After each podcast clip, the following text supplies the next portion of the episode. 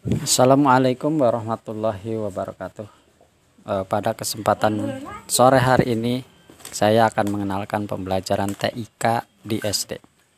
Pembelajaran merupakan interaksi antar peserta didik, peserta didik dengan guru, dan peserta didik dengan sumber belajar pada suatu lingkungan belajar.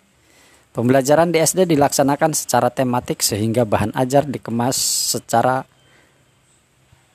tematik dengan mengintegrasikan TIK sebagai alat pendukung pembelajaran supaya menarik, jelas, dan mudah dipahami peserta didik. Bahan ajar tematik yang dikembangkan oleh guru terdiri dari bahan ajar pokok untuk pembelajaran harian, bahan ajar untuk pembelajaran remedial, dan bahan ajar untuk pembelajaran pengayaan.